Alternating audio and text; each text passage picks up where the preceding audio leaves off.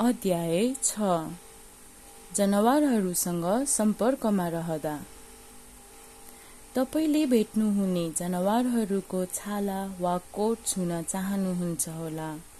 निसन्देह सबै जनावरहरूलाई छोएको मन पर्दैन। यदि तपाईँ जनावरहरूलाई माया गर्नुहुन्छ र आदर गर्नुहुन्छ भने तपाईँलाई थाहा छ कि धेरैले तपाईँ तिनीहरूको नजिक आएको चाहँदैनन्। सायद तपाईँले आफ्नो घरपालुवा जनावरहरूसँग याद गर्नुभएको छ कि कसैलाई सुमसुमाएको मनपर्छ त कसैलाई मन पर्दैन जङ्गली जनावरहरूको हकमा हामीलाई कसैले छोएको मन पर्दैन भन्ने अनुमान गर्नु राम्रो हुन्छ।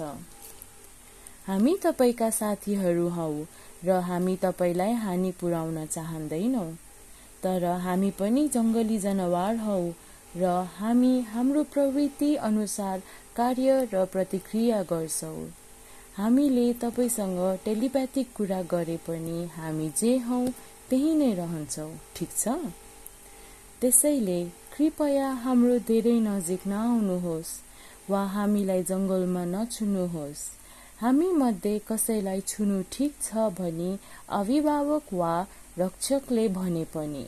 यदि हामी साँच्चै तपाईँबाट छुन चाहन्छौँ भने हामीलाई सिधै सोध्नु राम्रो हुन्छ।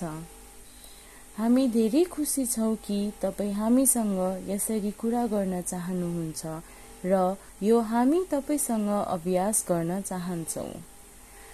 आफ्नो घरपालुवा जनावरको बारेमा सोच्नुहोस् वा अन्य जनावरहरूको बारेमा सोच्नुहोस् र तिनीहरूलाई सोध्नुहोस्। के तिमी मबाट छुन मन पराउँछौ?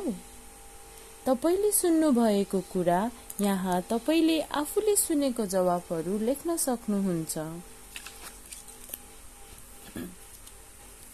के तपाईँले छोएको वा सुमसुमाएको जनावरहरू सम्झन सक्नुहुन्छ? तपाईँ यहाँ तिनीहरूको सूची बनाउन सक्नुहुन्छ। जनावरहरूलाई छुँदा कस्तो महसुस भयो? के तपाईँ आफ्नो हातले उसको छाला वा कोटमा छोएको सम्झन सक्नुहुन्छ? यसमा विशेष के थियो? के तपाईँले कुनै जनावरसँग कुरा गर्नुभयो? के तपाईँले तिनीहरूबाट केही सुन्नुभयो वा महसुस गर्नुभयो? तपाईँले त्यहाँ हुनुभएमा के तिनीहरू खुसी थिए? तिनीहरूको जवाफ यहाँ लेख्नुहोस्।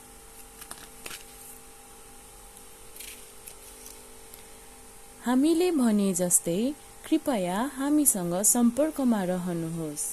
हामी जहाँ भए पनि टेलिपाथिक रूपमा कुरा गर्न सक्छौँ।